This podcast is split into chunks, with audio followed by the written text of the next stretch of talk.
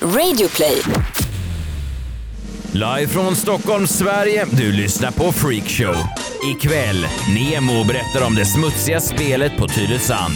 Fortsätter du att ligga med en tjej varje kväll under hela inspelningen så får du en resa vart du vill i världen. Messiah petar på Sara Larssons gloria. Vet ni vad som skiljer eh, Sara Larsson från vilken annan 19-årig tjej som helst? Framgången. Ingenting! Ingenting. Och Jakob förutspår kändisarnas framtid. Elvis Presley, död. Marilyn Monroe, död.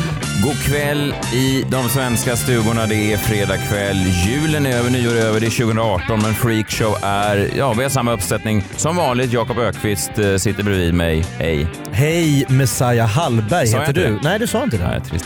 Eh, men ni lyssnar på Freakshow och det är ju fortfarande, vad ska man säga, det är en podcast. Det är det. För folk som eh, gillar sånt. Folk som gillar Eh, poddar. Det är en rektal termometer rätt upp i den ändtarmsöppning vi kallar svensk nöjes och underhållningsindustri. Jag satte den. Ja, det var lite ditt nyårslöfte också att försöka sätta den där. Så att det är grattis, plugga den. grattis till det. Eh, vi har som vanligt en gäst, en eh, man som är en succé. Eh, han har uppfunnit sig själv på nytt kan man säga och sen eh, gjort succé med flera olika projekt. Nemo Hedén, välkommen hit. Tack så jättemycket! Ja. Fan vad kul! Ja. Jag känner mig nervös. Jag känner mig som en sån här liten, liten, litet barn som får träffa sina idoler. Så. ja, det är många som känner så när de träffar Jakob. Mig inte lika mycket. Ja. Nej, väldigt olika det där. Ja, det är lite som Zlatan och eh, någon sån Andreas Andersson eller någon sån där som inte man är lika nervös för. Att du är Andreas Andersson. Ja. då. Ja, du får googla Andreas Andersson Nemo. Ja men gud. Kan du idrottsprofiler? Ja, AC Milan, Newcastle spelar ni. Ja. Jösses! Ja, det där Fan, gick hur inte. ung tror jag är egentligen? Vad fan? Jo, men du ser så ung och fräsch ut. Lite Ja. trött ser du ut, men du är ja. småbarnspappa. Yes, I am. Då sover man inte sjukt mycket. Nej. Nej. Nej men grattis till det. Eh, hur gammalt är, är, är barnet nu? Knytet är åtta och en halv månad. Mm. Eh, ja, you have been there. Ja, jag har varit där. Det är fantastiskt men man är ju trött liksom. Ja, det, jag har varit där. Jag tyckte att det var härligt, fantastiskt, men jag kommer aldrig återvända dit. Så kanske. Ungefär så. Jo, du kommer bli sen när du får din tredje fru. Ja, men då kanske. Ja, när du är så här 75. Ja, det, alltså, ha också barn, Messiah. nej, men jag kan tänka mig att jag kan göra det som, som, som min pappa gjorde, att man försöker hålla, jag tror att det var så jag kom till, att man försöker hålla döden på avstånd. Ah, väcka liksom liv i ungdomsåren. Ja, att man, känner igen sig. Det var ja, här men, jag gjorde men Man jag var... gör ju någonting, alltså det, är, det är ju det sista man kan, som man har ju den, du har ju alltid den eh, vägen ut. Ja, absolut. Att, att kunna starta om, alltså att lura dig själv att jag är inte så gammal.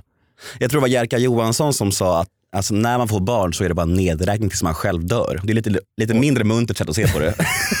kan man säga. Då väljer jag hellre att se det på som du gör. Men jag kan, jag kan, jag kan minnas ibland, alltså jag kan eh, sitta på skolavslutningar och sånt där när min, när min dotter har det och eh, känna eh, verkligen så. Alltså att min egen död är antågande.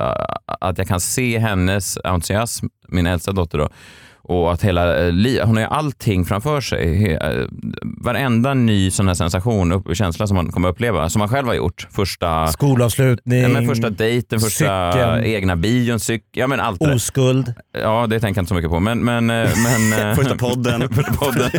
hennes första blogginlägg, Ja, första vloggen, första gången hon ligger med Jockiboi, allt sånt där. första gången de kallar sig influencer på Instagram. Ja. Allt det där har hon framför sig. ja, Och då känner jag att jag har inte det och så kan jag bli lite avundsjuk, men det är också fantastiskt. Ja, strunt samma. Jo, men jag tänkte säga, jag förstår att du är trött och du är också en, ett barn som är lite mindre. ja, inte åtta månader, tre Nej. år. Ja. Men alltså, mina barn då, jag kan inte klaga så mycket längre. De är ju då sex och, och nio och det har varit, jag har bara suttit två och en halv vecka på landet eh, och de kan försvinna iväg i timmar och spela Nintendo och sånt där. Så att det är rätt härligt tycker jag. Man kommer till en punkt Vadå, du käkar frukost och sen ser du inte dem Nej. resten av dagen? Jo, om jag vill. Om du vill. Men jag behöver om, inte. Om du går till Nintendo. Om jag vill, det är så bra. Ja, men jag, jag kommer ihåg, jag hade eh, min frisör då, eh, eh, Jesper, hej Jesper om du lyssnar på det här. Eh, Klart han gör. Ja, det är klart han gör. Eh, Homosexuell? nej, nej, Nej. nej. Väldigt Men straight. Jesper känns lite gay. Ja, men han är väldigt straight. Och frisör samma, och det är inte Jesper, det är ju... det är inte poängen här. Nej men poängen är att det är märkligt att både heta Jesper var frisör och inte gay. Det är liksom... Ja, han har två av tre.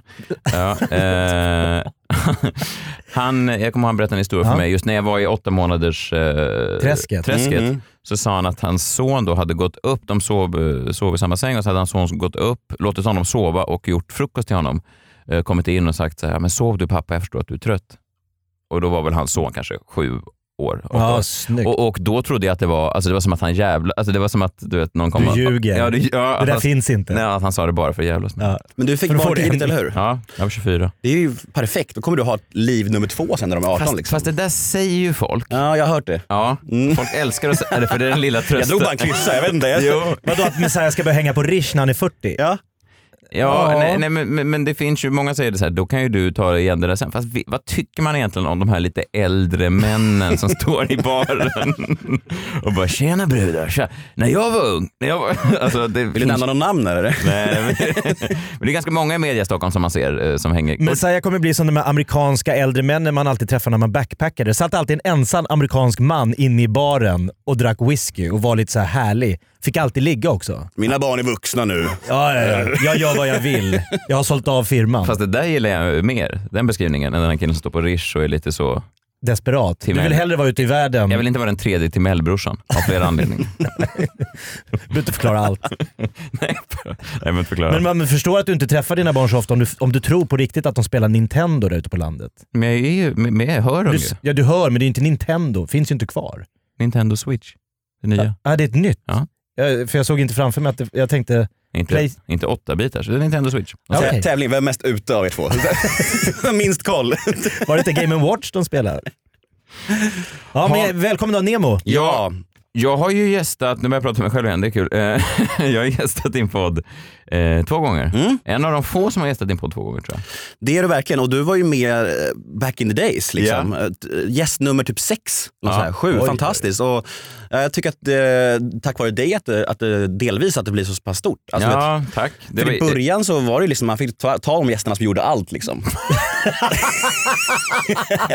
jag läste en intervju med dig någonstans. Ja, det var skillnad i början när jag verkligen fick eh, plöja igenom bottenskrapet. Ta någon som ställde upp allt. Och så bara, ja, ja, det var jag och gruppen Det vet du. Ja, det var typ ni och Kalle och sådär. Josefin Crawford och Jesper Fröjd från Paradise Hotel och så. Ja. Vilka som helst alltså. Du kunde skippa han den sista killen.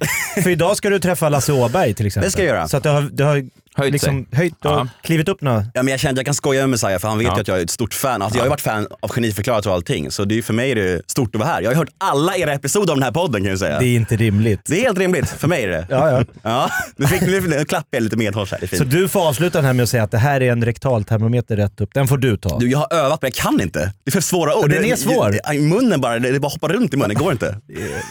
Överkurs. Men, men roligt, men för eh, första gången man, man blev bekant med dig så var det ju i det här programmet Kungarna av Tylösand. Yes. Eh, du dök upp, du blev ett namn och så vidare. Men vi pratade ju om det redan i Geniförklarat någon gång och det var du som nämnde det någon gång när jag gästade din podd att, att ni blev ju någon slags dokusåpakändisar men precis en millisekund innan Instagram slog Mm. igenom, innan sociala medier. Precis. Så att ni fick aldrig den här andra plattformen eh, att kunna ta det vidare. Alltså ni var precis, jag menar det var ju så här, Vi sam- missade, ja, men, precis. Ja men lite. Det var bittert alltså. För, att, men det var ju så, Instagram slog väl igenom 2011 tror jag på allvar och eh, hade man haft den här dokusåpasvängen lite senare hade man nog fått sina 70-80 000 följare. Men det blev inte så, men det gick ju bra ändå till slut. Ja. Och jag kommer ihåg när ni pratade i Geniförklarat om kungen av Tylösand någon gång, du och John, och då sa ni så här pratade ni om mig specifikt och då sa ni så här, "Ja, han Nemo han verkar så fin ändå, han känns lite missförstådd, han har fått så mycket skit och så här. Och jag blev så glad då, jag blev så himla himla glad. Det finns de som förstår mig! Ja men det var verkligen så, jag kände mig så jävla eländig och kass efter den här serien. Så bara, åh, geniförklarat förstår mig i alla fall. Är inte Kungen av Tylösand den minst lättförklarliga såpan, dokusåpan som har gått? Alltså, hur säljer man in den till tv? För ofta är det så här, det ska vara att det ska vara ett öråd, det ska vara, man ska rösta ut varandra från en ö, eller det ska vara ett hus där det bor några personer. Det här fanns ju ingen plott, det fanns ju ingen, det fanns ju ingen röd tråd. Det var ju svensk Jersey Shore. Ja just det, Det var Jersey det Shore var ju jättestort då ja. Mm. Aha. Kalle fick uppdrag från kanal 5 att, att sätta ihop ett svenskt Jersey Shore. Träffade inte du Per Gessle under den där inspelningsperioden? Jo, du har hört den anekdoten eller hur? Den är, fantastisk. ganska sorglig. Ja, den är mörk. Men när jag träffade honom nere i Tylösand-lobbyn där till Leffes Lounge, eller vad det Han heter. äger väl hotellet? Han äger alltihop där. Och han hade gått med på att ha oss där för att Kalle sålde in som att vi skulle ha ett, ett ganska lugnt program. Något ganska fint. Han, han ljög lite för Per Gessle. Det kan man säga. Ja, Per Gessle bara- Per Gessle bara, Vad heter deltagarna? Deltagarna. Vi har en kille som heter Maskinen. Jockiboi, Nemo-möter. Ja, men det var verkligen så att han hade sagt något helt annat. Så när det väl programmet väl började och vi bara stökade och förstörde saker och härjade, då var ju Per Gessle rosenrasande. Liksom. För det var rubriker hela tiden om liksom alltså det var superiet det var på kaos, Tylösand. Liksom. Exakt. Så träffade jag Per Gessle i lobbyn där och jag var har alltid varit ett stort fan av Per Gessle. Hela min uppväxt och barndom. Jag har liksom typ alla plattor och så här. Så jag gick fram till Per och, och sa så här. Hörru Per, eh, jag vill bara säga till dig att jag, jag älskar dig och din musik och du har betytt mycket för mig och min barndom och allt så här och du är fantastisk. Så här. Han kollade på mig med sina solglasögon och bara "Pff." så gick han. Fan, det är Otroligt starkt. alltså. Ja. Var, var det här då, visste han då att du var en av de här deltagarna? Han måste ha vetat om det va? För att annars är Annars han är det ju... ju sjukt. Ja, annars är det sjukt. Ja, vet han inte det, då är det ju, jag älskar det, jag har alla dina skivor, jag har drömt eh, sen jag var liten att- och så bara pff, Ja nej det går inte. Så skulle vi ha reagerat när han berättade att han hade hört alla våra episoder. Inte som vi. Har du? Vad glad jag blir. Det är någon som gillar Han är oss. coolare. Kul om du hade lyft på dina solglasögon och bara... Vi får utgå från att han visste vem jag var. Annars är det ju hemskt. Ja. Eh, Ja, det sista om uh, Tylösand också, det är lite daterat nu, men, men eh, jag Tycker minns du? att när jag såg det programmet så tänkte jag, vänta nu, en av de här känner jag igen. Mhm. Eh, det var då kvinnan som gick under namnet Lady Lapdance. Mm. ja. Och hon hade varit på en, någon slags dejt hos mig i, i Sund. Hon var från Sundsvall. Hos nå- dig? Nej, Eller med? Med dig. det, var, det var en dejt som ägde rum hemma hos Messiah. Han var, han var bara Nej, kollade nej, vi, på. vi gjorde inget, men det var någon, eller någon dubbeldejt. Alltså hon hade varit i min lägenhet på någon efterfest eller någonting. Eh, Lady Lapdance, jag vet inte vad hon hette på riktigt. Äh, Hon heter Hon hette så mycket som eh, Erika tror jag. Ja, ja. Mm. Var hon journalist, ut, alltså studerande? Ja, hon var väldigt långt från journalist. Och tvärtom. jag fick, du gick Det var motsatsen. Okej. Ja, hon brände upp tidningar. Lady Lapdance. Ja, Du bad mig ju ta med tre spaningar. Alltså, och tre, jag har tre små grejer från Tylösand. Ska jag ta det nu eller ja. sen? Nej, ta den. Jag kör. När vi ändå pratar om det. Liksom. Eh, Jag har så här en grej, jag tänkte göra så här att jag ska berätta tre små kortisar från Tylösand och ni ska få säga om det är okej eller inte okej. Från, eh, alltså, eh, du menar inte från orten Tylösand utan du menar från... Per Gessles liv. Nej men saker som produktionen Ja, höll på med kan man säga. Okej. Och inspelningen och så här. Ja. Spännande. Okej, nummer ett. Är det här okej eller inte okej? Slutcastingen funkade så här. De slängde in mig och tio killar i ett rum, stort ett bord fullt med sprit och öl och kameror runt oss. Och De sitter i rummet bredvid och kollar på oss, hur vi, hur vi för oss i sociala sammanhang. Det är castingen. Det är alltså när man söker deltagare så är det liksom... Alltså som, Det ett, var slutcastingen. som någon slags sånt apexperiment som man ser sådana där forskare genom en glasruta. Mm, Alltså, ja. Precis. Otroligt alltså. Och vad, fick ni någon så här uppgift mer än att bara kröka? Och, Nej men det var typ så här. in med spriten, in med grabbarna, kameror runt om. Nu ska vi se hur de för sig i sociala sammanhang. Och jag, jag lassade upp så här ölspel och körde igång. Du vet, så här. Som, man, som, jag, som jag höll på med då. De tyckte att han är perfekt ungefär så. Känns det här okej eller inte okej? Det är ju, det är ju, jag förstår ju vad de vill åt. Eh, Det är ju i, i, i liksom ett mer humant perspektiv så är det ju såklart eh, vedervärdigt. det är cyniskt. Ja, men det är fru- såklart horribelt. Men jag förstår ju om man vill göra ett sånt här program så förstår jag ju exakt vad de... Jag kanske, kanske ska vara ett snabbare svar egentligen. Jag tycker inte att det, Jag hade ju haft väldigt svårt Nej, men jag tycker det är okej, för jag tänker att om man ska göra Mästarnas Mästare så kanske man tar in några idrottsstjärnor och så, så här, nu har vi yxkastning. Man vill prova en gren och se hur det funkar. Kröka var ju en stor del av programkonceptet. En av grenarna. En av grenarna. i- Okej, ja. så att, och du gjorde väldigt bra ifrån det där, så Ja, grattis mycket. Jag säger inte okej och du säger okej. Helt okej. Mm, punkt nummer två.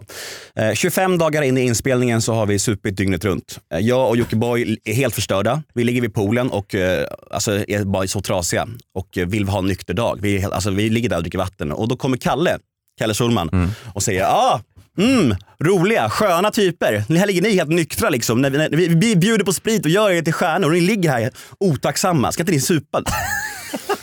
är det okej eller inte okej? Mm. Ja, det är ju jag, jag, fall, det är lite som, ska vi säga att det är som punkt ett där.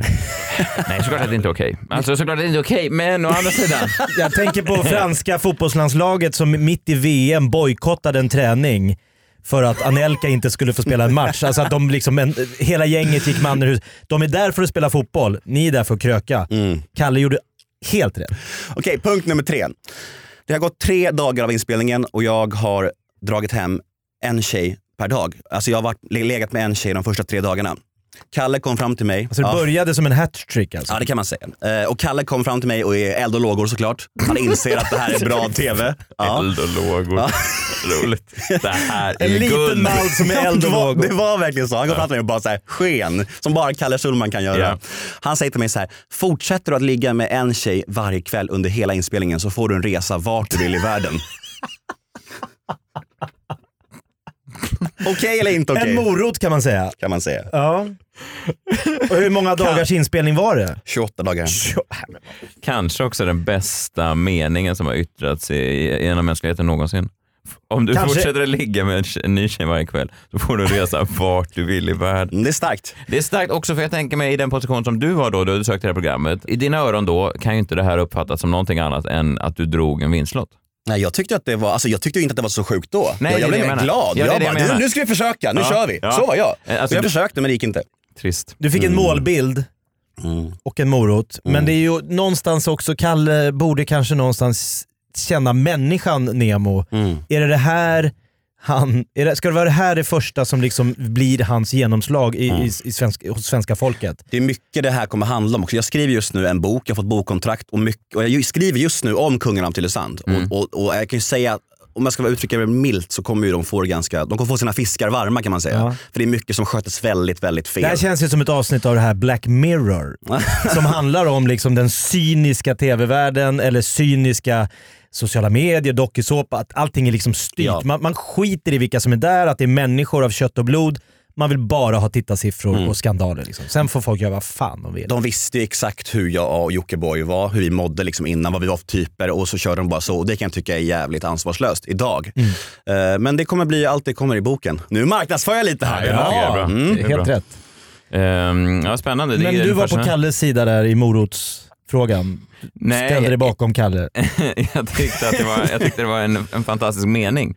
Ja, det är Jag, tv-historia. jag, jag kan tänka mig att det är, det är, ju- det är starka grejer, för det var ju nästan, det är heller ingen dokusåpa som har tagit det så långt i Sverige riktigt. Alltså i, i form av cynism och eh, att dra åt tumskruvarna. Ja, för det Nej. är bara sprit och ligga. Mm. Det är ingen tävling, ingen poäng alls egentligen. Eh, Man tog bort allt det här andra fluffet runt som ändå ska vara någon slags, eh, eh, att man lurar folk. Alltså men som i Paradise Hotel så är det ju, ja men det är ju en tävling förstår ni. Eller det är, socialt spel. Ja, men egentligen vill man ju åt. Ceremoni. det är därför det var så intressant när folk efter programmet bara säger “Jag hejade på dig kungen av Tylösand”. jag bara “Men fan vad, tack”. I vilken tävling? Knulltävlingen eller vilken tävling hejar du med på mig? Hur gammal var du när du var med här? Jag var 23, 22 eller 23. Och hur gamla var, var folk var mellan så här 18 och 25 Ja, eller? det var ganska, alltså, det var, eh, skillnaden mellan Paradise Hotel och Kungen av Tylösand var att Tylösand skulle vara sköningar och Paradise Hotel ska vara snygga människor typ. Okej. Mm. Så fru Lapdance var en sköning. var en sköning? var ju inte Hon det. var inte det, nej. Nej, hon var arg bara Ja. hela tiden. Ja, det var hon klagade och gnällde. Vet du, hon sa, klagade på med storleken av min lilla studentlägenhet. Hon klagade hemma hos dig och klagade på Tylösand. Ja, det enda hon hon- gör i programmet är att bara klaga på hur smutsigt och stökigt det är när jag drar hem tjejer. Hon är bara arg hela programmet. Hon var arg hemma hos mig också. På en första dejt, arg fel. Nej, det var liksom. ingen dejt. Hon, jag vet inte, hon han gjorde min lägenhet riktigt. Det var en efterfest och så var kan man bo så här? Gud vad litet.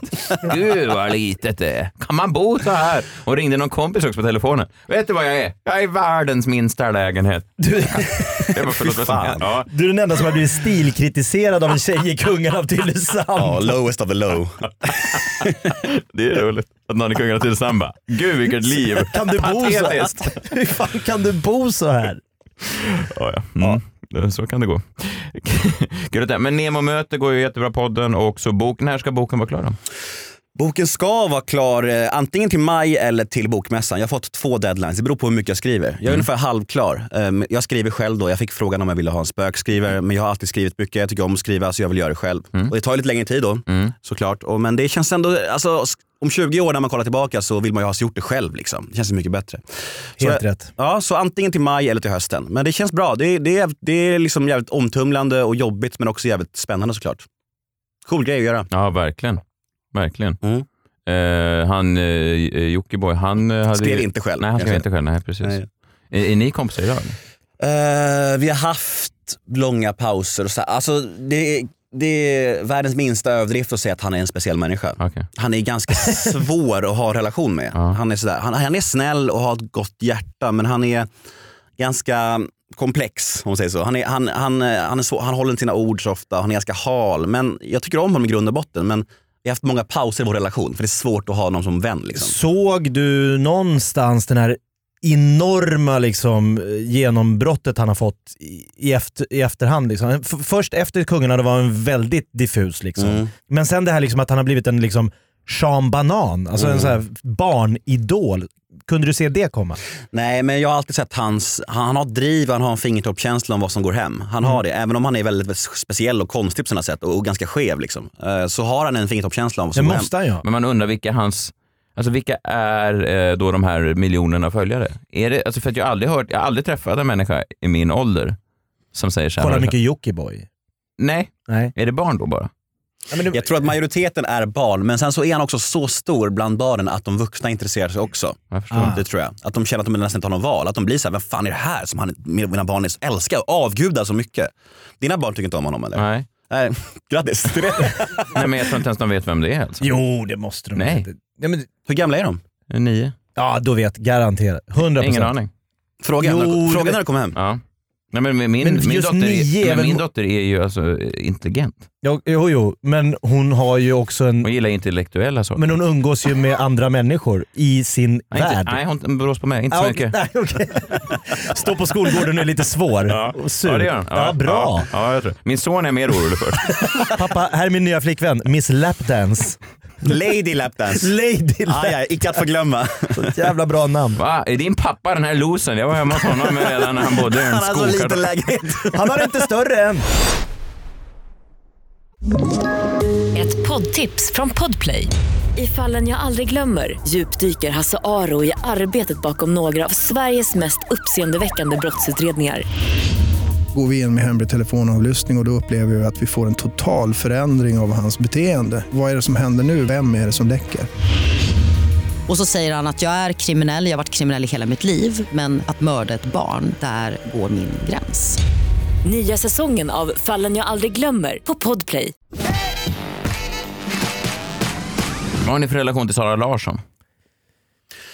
Jag har henne som stående punkt i ett segment som heter ett ord om i min podd. Mm. Jag frågar alla mina gäster så här, ett ord om, så tar jag upp Sara Larsson. Ja. Eh, Det känns som att, ibland känns det som att folk svarar pliktskyldigt nästan. Något så positivt, att hon är stark feminist. Mm, Fast man ser i ögonen att de kanske vill säga något annat.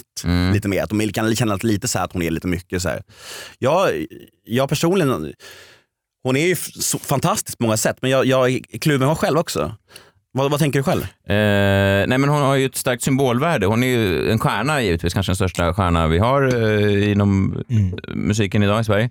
Och eh, jätteduktig på det hon gör. Sen har hon ju ett symbolvärde som du säger, att, folk, att man måste liksom, hon blir som en symbol. Alltså, eh, om man går på någon efterfest med, med lite yngre människor så, så spelar de liksom Sara Larsson på repeat. Bara för att det blir som en så här, fan vad starkt det är ändå. Jag lyssnar på, på Alex Schulmans intervju med henne nu, podden Schulman show. Mm. Och hon är ju då nyss fyllda 20 år och jag är ju rädd, eller jag tror att det är nästan oundvikligt för henne att hon kommer bli ett, ett as snart. Alltså. Det finns ingen annan, annan väg att gå eller? Nej, för att det- alltså, barnstjärnor generellt sett, ungdomsstjärnor, det går inte så bra för dem. Nej. Eller de har perioder i sina liv där de, och det här är ju ingenting mot Sara Larsson. Det Men de måste spåra någon gång. Ja, eh, och det finns ju ganska mycket, för då har hon nästan, dels att barnstjärnor får uppmärksamhet och folk säger ja till dem. Det är inte bra när man är i ung ålder. Man får framgång, man får pengar. Men hon har ju då ytterligare det här symbolvärdet att folk inte bara står och klappar händerna åt henne utan också hyllar det hon gör som fantastiskt. Alltså, hon har ju en extra nivå där. Vi kan lyssna på till exempel på eh, när Alex Schulman då ställer en fråga om hur hon brukar festa. Och så kan vi bara se hans reaktion och vad hennes svar är. Ja. Okej? Ja. Men det brukar bli så faktiskt. När, när jag väl säger, men ikväll har vi kul. Då är det, då är det spya klockan fyra. Fy fan vad grymt. Fy fan vad grymt. Ja, märklig reaktion alltså. Visst är det? Ja, men det är väl inte så jävla grymt att spy, eller? Är Ja, men är det inte att han tror, nej det, men är det inte att han förväntas absolut inte det?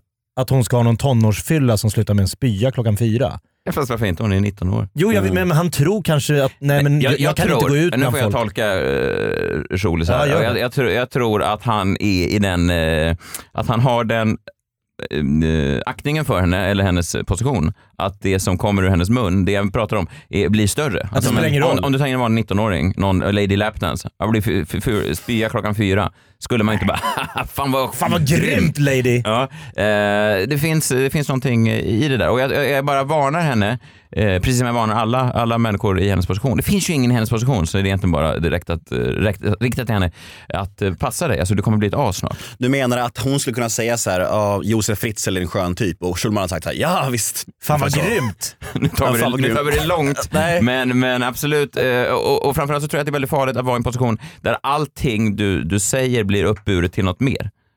Förstår du vad jag menar? Alltså, jag vet ju själv hur jag blir om jag har ett bra gig.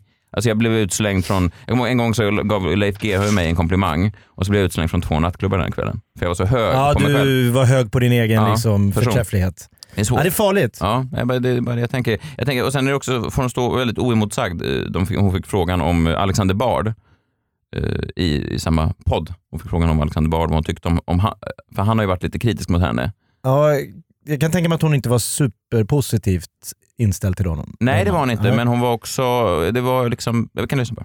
Så jag kan liksom, jag tänkte åt mig heller för att det är såhär, det är Och inte ens med, har, du, har du följt med det, det som Alexander Bard sa om, om dig? Nej men det är också såhär, han är ju så dum snälla. Nej men jag kan inte ta åt, alltså jag tycker bara det är, så, det är jättesorgligt. Gud vad tråkigt att han har 0% hjärnceller. Men, eh, eh, men du orkar inte ens gå Men in? jag orkar inte för jag tycker att de är så dumma så att det är inte ens värt att lägga energi på. Säga vad man vill om Alexander Bard, men jag skulle inte säga att han är dum. Nej. Han är ganska smart. Ja, inte 0% hjärnceller. Nej. Nej, det borde han inte ha. Han är ju filosof va? Ja. Skrivit en hel del böcker Ja, om men- filosofi. Vi kan, vi kan nu börja hon avsluta sitt rant här. Men också någon som kommer med, som Alexander Bard, som då kommer och säger de grejerna han gör. Är det någon som är kapabel till en diskussion? Nej. Nej. Nej. Det gör han mycket Bard. Han diskuterar, diskuterar Det var mycket. en retorisk fråga va? Svara själv på den. Ja, ja. Nej, jag vet, Nej, men det där är ett rimligt svar av en 90-årig tjej som har blivit påhoppad av... Ja, absolut. Men det jag menar är att då ska vi också behandla henne som en 19-årig tjej. Ja. Ja, tänker menar? så. Det som skiljer, vet ni vad som skiljer eh, Sara Larsson från vilken annan 19-årig tjej som helst? Framgången. Ingenting! Ingenting. Det är exakt som att ta vilken gymnasietjej som helst och sätta henne i en intervju med Schulman. Förstår du? Det finns inget djup här, det finns ingen botten. Det enda hon har då i framgång, ja absolut framgången, där kan hon väl kanske berätta lite om jag frågar om musikindustrin och så vidare. Jag tycker man slås av det när man liksom hör henne i en podd. Hon var med i TS Knas för några Mm. år sedan där också. Att hon, hon, hon pratar ju om så viktiga ämnen konstant. Sen så hör man henne i en podd och då bara, just det, hon är bara ett barn. Just det. Då blir det så påtagligt. Ja, liksom. visst, visst. Det tänker man inte på när hon skriver saker. Då är det bara så här, "Ah", så här. Sen bara, oj just det. Nej, jag, bara- jag, bara- Men det bara- är orimligt att lägga att hon är vår generations liksom, ikon. Det går inte att axla den. Nej, en Manteln. tung börda att bära. Ja, Verkligen. Och, och, och, eh, alltså, ja, det, det finns ju eh, både Lindsay Lohan och eh, han från Ensam Hemma vars förnamn man inte kan säga. Michael Clegg. Ja. Ja, men Britney Spears, alltså det finns ju hur många som helst. ja, men det var ingen som gick till Britney Spears och frågade henne om så här, hur, hur, hur Sverige ska skötas och så vidare. Nej det var det nej, inte. Nej, jag, jag, jag bara varnar. Men kan vi bara bolla lite till Alexander Bard också, för han har också betett sig eh, Ja, nu ska du vara där och... Nej, men jag tycker att han, har- han har varit... Alexander Bard är ju fascinerande på ett sätt, för han kan ju vara väldigt intelligent. Alltså han kan ju vara en, som en, en filosof. Han, till exempel här i Nyhetsmorgon då från 95 så förutspår han då hur internet ska påverka oss i framtiden. Ja. Och hans eh, analys, 95, det är länge sedan. hans analys är ju väldigt spot on när man hör den idag. Ja, IT för många är det ju ett okänt begrepp. Hur skulle ni förklara det lätt begripligt? Ja, Det som Mattias och jag har gemensamt att vi inte är speciellt intresserade av tekniken. I vanliga fall så rabblar man en massa saker om megabyte och såna här prylar när man pratar om datorer. Det vi är intresserade av, båda två, även om vi sysslar med det på olika sätt, det är eh, vad man kan använda tekniken till och, och vad man gör med sin dator hemma. Man pratar om att vi går in i informationsåldern. Det är egentligen nästa steg för vår civilisation. Vi har från början bott i byar och vi har flyttat från byar till städer. Och när man bodde i byarna för 150 år sedan, då var det kyrkbacken som var det viktiga. Liksom. Och där hittade man sina jämlikar. Och kom man inte överens med folk på kyrkbacken, då fick man skita i det. Sen flyttar man till städer och då börjar man hitta människor som, man, som är mer lika en själv. För man har mycket, mycket större eh, grupp människor och letar sina vänner och bekanta och arbetskollegor ibland. Men idag går vi över till att se hela världen som en enda by. Men så, det här med att människor behöver mötas, ögonkontakt, fysisk Jo, men det kontakt. kommer finnas kvar, men, men allt det andra kan man egentligen ta via nätet. Ja. Eh, en, en bra analys eh, ändå eh, över vad som hände och att, att eh, vi... Eh, han är intelligent på det sättet. Så han har den sidan. En intelligent filosof, Verkligen. forskare. Eh, sen har han också den här andra sidan som mer påminner om ja, någonting, någonting annat där han då... Ja, vi lyssnar på det också. Det här med rasism, har du diskuterat de frågorna med Bert Karlsson som ju ibland har beskyllts för att Men Bert fiska i sådana Karlsson vatten? är absolut inte rasist. Han brukar ju ibland beskyllas för att fiska i sådana vatten med Ny Demokrati. Du, människor som är rasister är rädda för att säga neger. Men om man säger neger är man inte rädd för att vara rasist. Speciellt om man som jag själv kallar sig själv bög. För säger man att man är bög, då får man säga att en svart människa är neger. Då är man man inte verkligen? rasist. Ja, ja, oh ja, det är Är klart inte man det kan en göra annan sak att kalla Alltså, förstår ni, han, han är både filosofen och den här lite lätt rasistiska fulla farbrorn från Borlänge. Alltså, alltså en sån där kille sitter vid julbordet och är lite så här. såklart man får säga, alltså. Ska jag säga chokladbollar helt plötsligt? Eh, Jag tror bara att han är väldigt, väldigt medveten. Ungefär som Alex Schulman när han skriver en krönika som kommer trampa folk på tårna. Han vet att det kommer att uppröra och det genererar i- för honom i längden. Liksom. Uppmärksamheten och så här, reaktioner. tror du att han går igång på det? Ja, jag tror det. Alltså, men han är ju så jävla... Alltså, Bard känns för smart för att slarva. Typ, tycker jag. Att han skulle säga sådana saker så här, som, är, som, han, som skulle skada honom i längden. Jag tror att han har stenkoll alltså. På något sätt. Ja, kanske. Men vad säger ni då? Det, det har ju väckts ett uppror att, att han ska få lämna på grund av eh, den här typen av kommentarer, på grund av det han har skrivit om Sara Larsson, på grund av eh, saker som han skrev efter metoo. Mm. Att Virtanen exempelvis var oskyldig och så vidare. Eh, att han då ska få sit, inte sitta i talangjuryn tillsammans med David Batra, Bianca Ingrosso och LaGaylia Frazier. Jag tror det. Bianca, det är er favorit ju. Jajamensan. Älskar Bianca. Men eh, du, jag tycker att han ska lämna i- idoljuryn, talangjuryn, för, inte för det här uppropet, men för att slippa sitta och se jonglörer, buktalare, sångerskor, cirkusnummer, breakdansare. Vilket jävla helvete åka runt landet och leta talang i Sverige. Det var där Sara Larsson slog igenom va? Då Ja. tar jag tillbaka Ja. Var det Knyter så? knyter vi ihop säcken tycker Ja, jag jag. hör. Jag hör. Otroligt i sådana fall. Nej men stackarn. men han men slår- inte för, inte för sina uttalanden, vi har ju ändå åsiktsfrihet än så länge. Så du är på den sidan då, om vi kör okej, inte okej här igen? då, då är jag, drar jag en lans för att Bard, backa Bard i talangjuryn. Mm. Absolut. Och det finns ju många röster som, eh, som Ska säger inte det. Nemo få säga nej här? Du ska ju vara emot mig. Nej, men han får- Ja, jag han får håller, det låter skitbra. Okej. Nej, men, tänker du något? eh, Nej, nej, nej, men jag, jag håller lite med. Jag tycker, jag tycker att också det känns lite un, alltså, under vad han håller på med på något sätt. Vad ska han göra i talangjury? Han håller på med så här böcker och föreläsningar och debatter ett, som seriös. Ska han sitta där och tramsa? Märkligt segment. Ja, lite.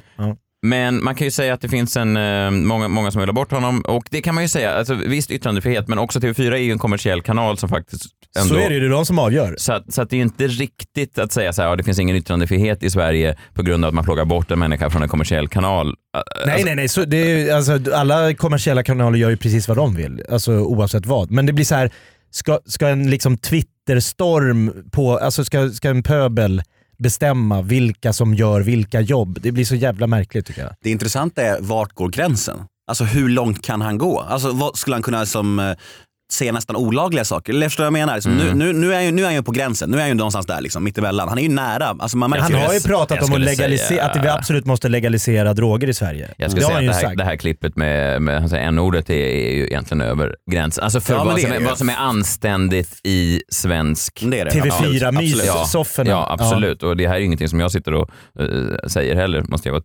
tydlig med. Det här är, inte, det här är inget klipp som jag har gett tummen upp till, utan tummen ner Du har jag inte gett. Tummen ner, det är mitt enda tummen ner Så är det. Eh, nej men det ska man ta på allvar. Men, men jag kan ändå se en förskjutning i det här. För att eh, folk nu stöttar honom på ett annat sätt än vad som skulle ha hänt kanske för två år sedan. Alltså folk väcker mer då, som du gör Jakob, att de säger att nej, men yttrandefrihet, vi måste få uttrycka oss. Man kan vara en idiot i vissa avseenden, men man ska ändå få göra sitt jobb. Mm. Jag tänker på en kollega till oss, eh, K. Kringland Svensson, som för eh, lite drygt två år sedan sa att han ville eh, dra en yxa i Åsa Linderborg på Ja, Aftonbladet. en viss del av Åsa Linderborg. Ja. Eh, blev uppsagd från alla jobb. Eh, de tog bort hans bok från Akademibokhandeln. Eh, sen skulle han då ut på en ny turné i januari 2016 och då ringer DN runt till alla krogar som har bokat honom för den här showen och frågar så här, tycker ni att det är lämpligt att ni har honom eh, uppträdandes här på, på Bonden bar? Tycker ni det är okej att eh, han uppträder här i Göteborg? Och då, för två år sedan, så slutade det faktiskt med att en, en lokal i Göteborg avbokade honom. Efter att det ändå, alltså deras reporter hade då ringt upp och frågat. Ehm, Ja, där fanns det ingen så här se mellan fingrarna på att eh, nej, och jag tror att alla där, får göra misstag. Nej, och jag tror att det är en förskjutning som har skett de här två åren. Alltså att, att, Mhm. Jag tror att om, om, om, om eh, K. Svensson idag skulle göra det här, absolut såklart han skulle bli av med en massa jobb, absolut. Men jag tror inte det skulle förfölja honom lika hårt och jag tror att folk eh, i en större utsträckning skulle kunna tänka så här, men vad fan, ett misstag eller eh, eh, jag tror att det är en, en, en, en motreaktion mot det superpolitiskt korrekta som vi har haft i, i väldigt många år. Om du då inte får en metoo-stämpel på dig, då ryker du ju ganska snabbt. Det är inga rättegångar som har liksom föregåtts eh, att du får sparken nej, från vissa. Nej, metoo är ju det starkt. Det är ju starkt, men just åsikter eller liksom klumpiga klavertramp som, som K. Svensson utgav, där, det är ju märkligt att DN ska sitta och liksom bestämma vilka krogar en ståuppkomiker ska uppträda på. Ja, det var väl mer att de ringde och var så här... eh, Känner ni er tillfreds med den här bokningen? Ja, och då var det vissa som kände, nej det kanske vi inte gör, eller gör vi det? Eller? De blev väl livrädda att det skulle bli skriverier? Ja. Men det är viktigt att ge folk en andra chans. Alltså, det, det- alltså vad fan, om vi har ett samhälle som skriker efter förändring, då måste vi också välkomna förändringen. Vi kan inte straffa folk i all evighet. Det går inte heller. Det låter helt sjukt att de ska ringa upp krogarna. Om han har bett om ursäkt och gått vidare, alltså vad fan. Det är, ja, vad säger bad han om ursäkt, K? Eh, det är dock tveksamt. Så jag ångrar mig, jag ångrar mig. ja, jag sa. ja, han bad väl lite om ursäkt, men Jo men det gjorde han väl. Han kände väl att på fyllan och villan i en liksom direktsänd ja, morgonpodd. han, hans, hans, eh, hans ursäkt hade kunnat vara bättre. Absolut. Alltså bad han om ursäkt på grund av att han kände det eller på grund av konsekvenserna? Ja, det är väl... Det är upp till var och en. Det är alltid intressant. Ja. Men lite intressant då bara för, för att knyta ihop säcken. Eh, Åsa Linderborg då, som drabbades av K. Eh, på den tiden då för två år sedan var hon egentligen den första och enda som skrev en ganska nyanserad, hon var alltså den som hade drabbats direkt av det han hade sagt. Mm, hon hotet. Som, hotet ja. Ehm, men hon skrev en ganska nyanserad krönika om det, eh, vilket var väldigt eh, beundransvärt tycker jag. Alltså, i en tid där alla var så här, för fasen, det här är manliga komiker, det är sånt här de tycker är kul, det här är en kultur som de har fostrat i år. Eh, jag vet bland annat han Esan Fadakar på Aftonbladet, eh, han, han var väldigt så, han sa så här, åh gud vilken obehaglig eh, manlig, vad hände med honom? Han, Han försvann helt efter försvann lite efter... Märkligt, ja konstigt. Tyst om den pennan ja, just nu. konstigt. Ja. Men, men han var då, och, sen, och hon skrev också i veckan en krönika om metoo där hon sa att eh, revolutioner som inte tål invändningar är dömda att misslyckas. Hon var lite Mm. nyanserad, det var en väldigt bra text tyckte jag. Och många har varit kritiska och många har sagt att joho, man kan visst ha invändningar mot metoo, man måste bara ha invändningar på det sättet som vi tycker. Mm. Men det där är, alltså, det måste ju finnas nyans. Alltså ett samhälle utan nyans i alla diskussioner är ju livsfarligt. Att, Ja. Om allt är svart eller vitt kommer liksom, det kommer ju ingenting gott ur det. Och ett samhälle där ett misstag borta för alltid. Det är också helt omöjligt att navigera i ett sånt.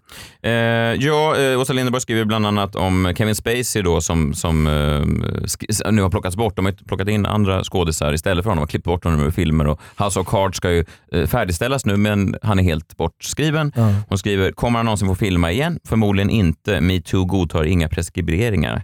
Preskriptionstiden för våldtäkt är tio år men i metoo skördas människor för saker de sagt och gjort eller påstås ha sagt och gjort för längre sedan än så.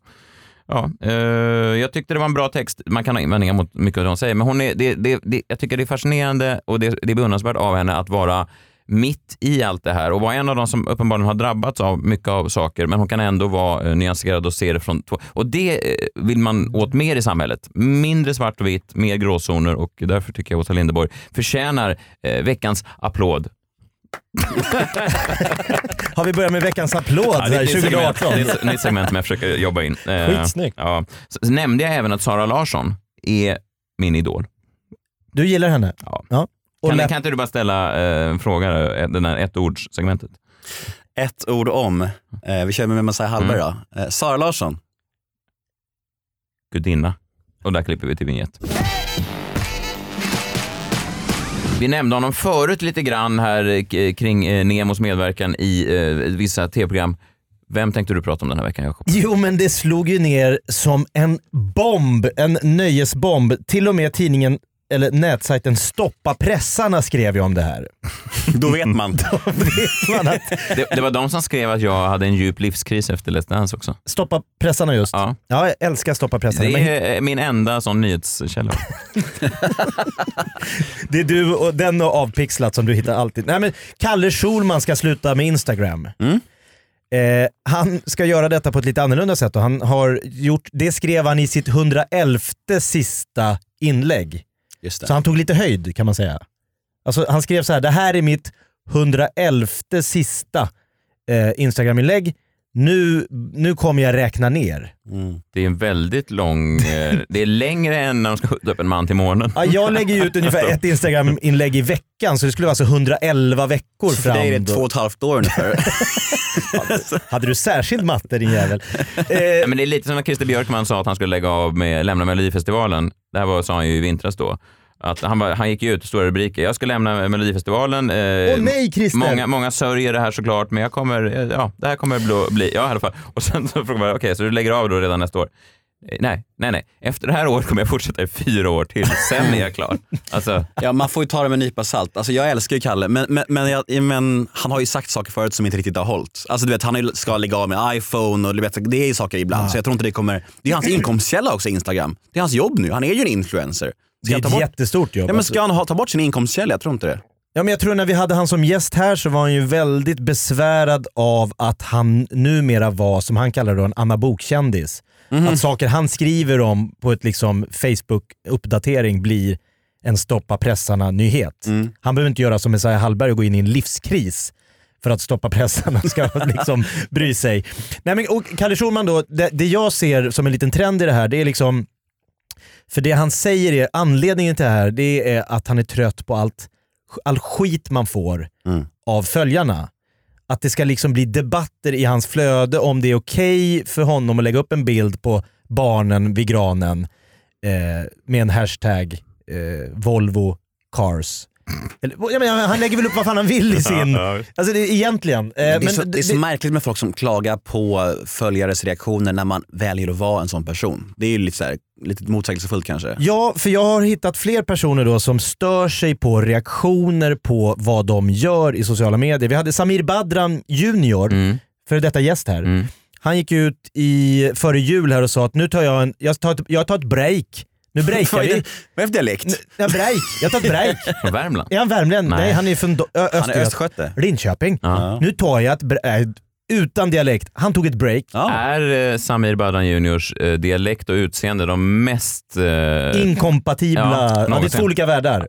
Verkligen. Eller hur? Han är otroligt älskvärd, är han inte det? jo.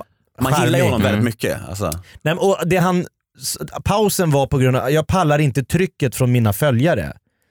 Därför måste jag pausa. Han pallade alltså inte trycket från följarna som kräver av Samir Badram Junior Mm. att han ska fortsätta. Och, eh, Bianca Ingrosso, en god vän till oss här på Freakshow, Mm. hon har också gått ut och sagt att eh, på grund av att hon då har en dokusåpa om sitt liv, ett Instagramkonto om sitt liv, en blogg om sitt liv, en podd om sitt liv, Tänk nu på det. Så Folk blev upprörda sist du var på så, henne. så, har folk, så börjar folk känna igen Jag fick henne. mail från folk som var utbrända och så vidare. Förlåt Ja, för de som ja. tyckte det var... Men skit i utbrändheten. Ja. Folk känner igen henne nu när hon går och handlar på stan. Ja. Det här tar på hennes krafter.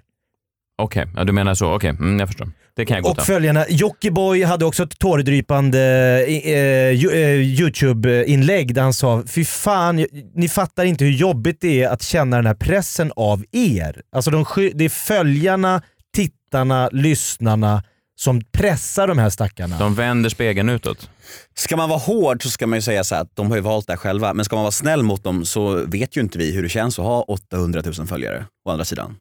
Nej, inte ens I, ihop. mi, I mitt huvud så kan jag ibland eh, tänka mig att de är så många, men uh, ja, visst, nej, det är de inte. Nej, men jag, jag tror så här. kändisar som klagar på hur jobbigt det är att vara kändis. Där tror jag svenska folket är så här.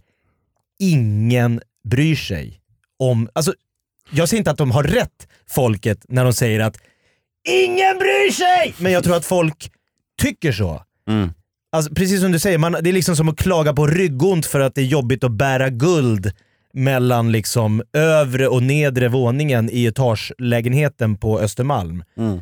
Det är ju ingen som med pistol har krävt att du ska ha ett Instagramkonto, att du ska ha en YouTube-kanal, att du ska ha en dokusåpa om ditt liv. Men jag tror att det Så det är väldigt svårt att, jag säger inte att det här är rätt, jag säger bara att jag tror det är svårt att få sympati. Mm. Men du, du och jag är ganska extroverta. Jag tror det är svårare för oss att förstå. Men det är kanske lättare för Messiah att förstå som är ganska... Mm, fast alltså, jag, kan inte, jag har svårt att, relatera till det för att jag tänker att både Bianca, Jockiboi, eh, Kalle, vem var det mer? Eh, Samir Badran Ja, Junior. Det är ju folk alltså, med all respekt för alla dem. Om de tar bort den... När man börjar en replik med all respekt så vet man att det kommer skit. Välj dina ord väl nu. Ja, ja, nej, men med all respekt för dem, så är de ju alltså, deras, deras exponering av sin egen person Mm. är ju deras främsta begåvning. Ja, det, enda begåvning. Ja, det sa du det, det sa inte jag. Främsta begåvning. Främsta nej, men, begåvning. Det, nej, men det är deras enda, det är ju det, det, är ju det de har hela, alltså ingen har ju Sin karriär. krävt, krävt av Jockiboi att filma säg han och hans flickvän i deras lägenhet i Norrköping när de låtsas pranka varandra. Det är ingen som har liksom, och folk har börjat följa det här och då blir han då till slut hatisk mot följarna för att det liksom uppstår någon form av tryck och någon form av förväntan. Men jag tror den ligger bara hos honom. Vänta, har jag förstått rätt här? Du tycker alltså Jocke inte är en bra musiker? Han har bra kollegor som hjälper honom att få till schyssta dänger som funkar. Nej, men jag har det mer- gör säkert eh, Swedish House Mafia också. Man, Jag- man ska har- omge sig av positiva... Eh, Jag har mer respekt, eh, det är fånigt med artister också som klagar på kändisskap, absolut. Men det är på något sätt är det, finns det mer, jag har kan, mer förståelse för det. En författare eller en, en fotbollsstjärna eller någonting som säger så här, ja, det är lite jobbigt att folk kommer fram till mig när jag är ute. Alltså för För det var de- inte det som Nej, det, var... var inte, det är inte Nej. det ni marknadsför på. Men det är lite dubbelmoral att sitta och tjäna jättemycket pengar på att exponera sig själv och sen då vända det och säga att det är så jobbigt att ni kräver att jag ska exponera mig själv. Men har Samir Badram tryck från sina följare på Instagram? Ja, säkert. Alltså, Folk är galna. Alltså, du vet, var- ni, vi var ju med i dansprogrammet samtidigt och de här barnen, de stod, när han kom, de slet i honom. Han tog jo, sig tid jo, för jo, allihop. det är säkert jättejobbigt att gå på, på liksom McDonalds en söndag morgon. Men, men, men att tro att bara för att mitt instakonto, om han skiter i att posta en bild Mm. på tre dagar. Mm. Nej, det, är roligt Är att det tänka att han, det är roligt att tänka att han har kreativ vånda. Alltså som de stora författarna. Är bara fortsätta. Jag har släppt en jävla bra bok och nu ska jag uppföljare på uppföljare. Så bara okej då. Hallå, jag heter Samir.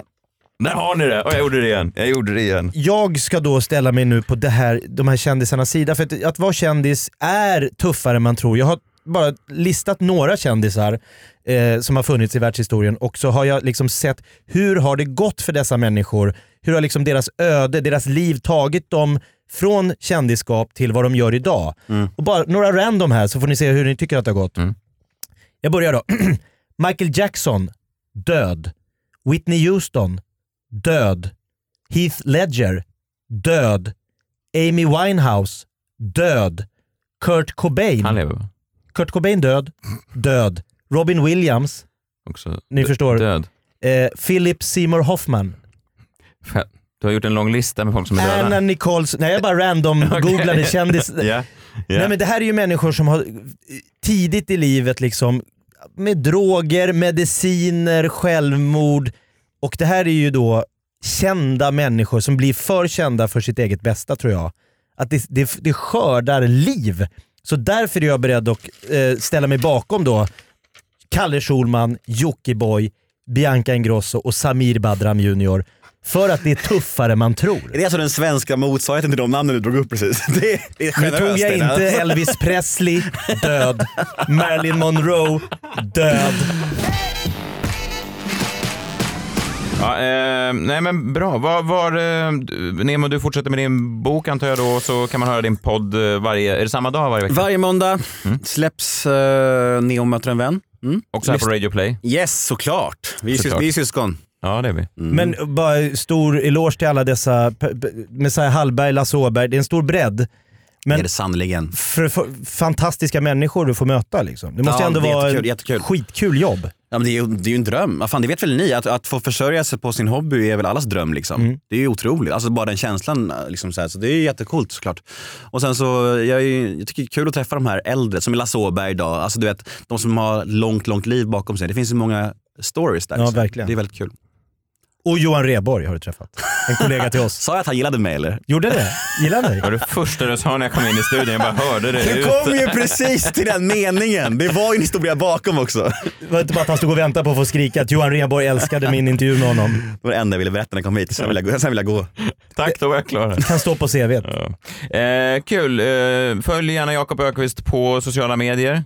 Och rockklassiker med Jonas och Jakob. Just det, en riktig pangshow har jag hört. Ja, det är roligt. Ja, Nemo Hedén heter det, att Nemo Hedén på eh, Instagram. Yes. yes. Och mig kan man följa Messiah Hallberg på in- Instagram, Twitter och eh, Facebook. Eh, jag hörs även i Tankesmedjan i P3 nu måndagar och tisdagar. Det är lite som det här programmet med sköna spaningar fast lite färre spaningar om Kicken. Det är egentligen skillnaden.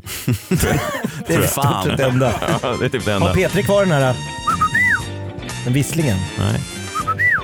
Jag slutar med den. Det har de slutat med farfar. Det har de slutat med. Eh, Inget får vara som det var. Kul att vi är igång igen. Det är ett nytt år. Vi, har, vi, har, vi ska vara tydliga med att 2018 kommer bli det bästa freakshow-året eh, hittills. Garanterat. Kan inte bli sämre än 2017.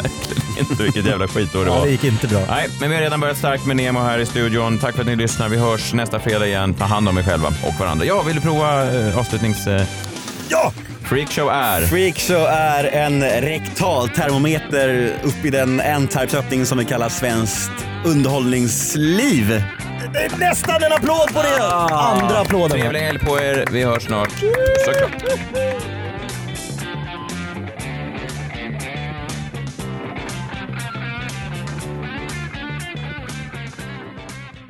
Ett poddtips från Podplay. I fallen jag aldrig glömmer djupdyker Hasse Aro i arbetet bakom några av Sveriges mest uppseendeväckande brottsutredningar.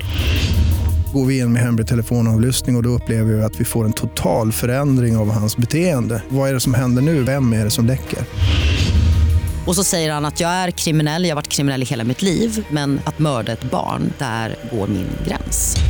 Nya säsongen av Fallen jag aldrig glömmer på Podplay.